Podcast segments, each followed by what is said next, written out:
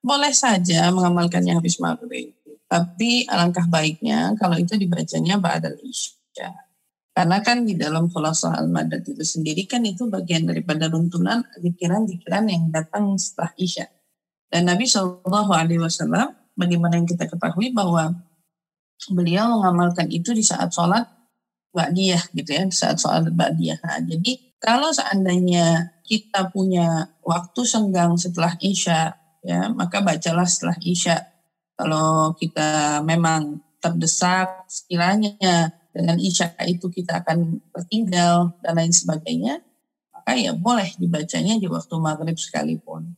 Tapi kalau saya pribadi, saya mengamalkannya selalu setelah isya gitu karena ingin mendapatkan pahala yang memang itu dibaca di waktu isya tadi.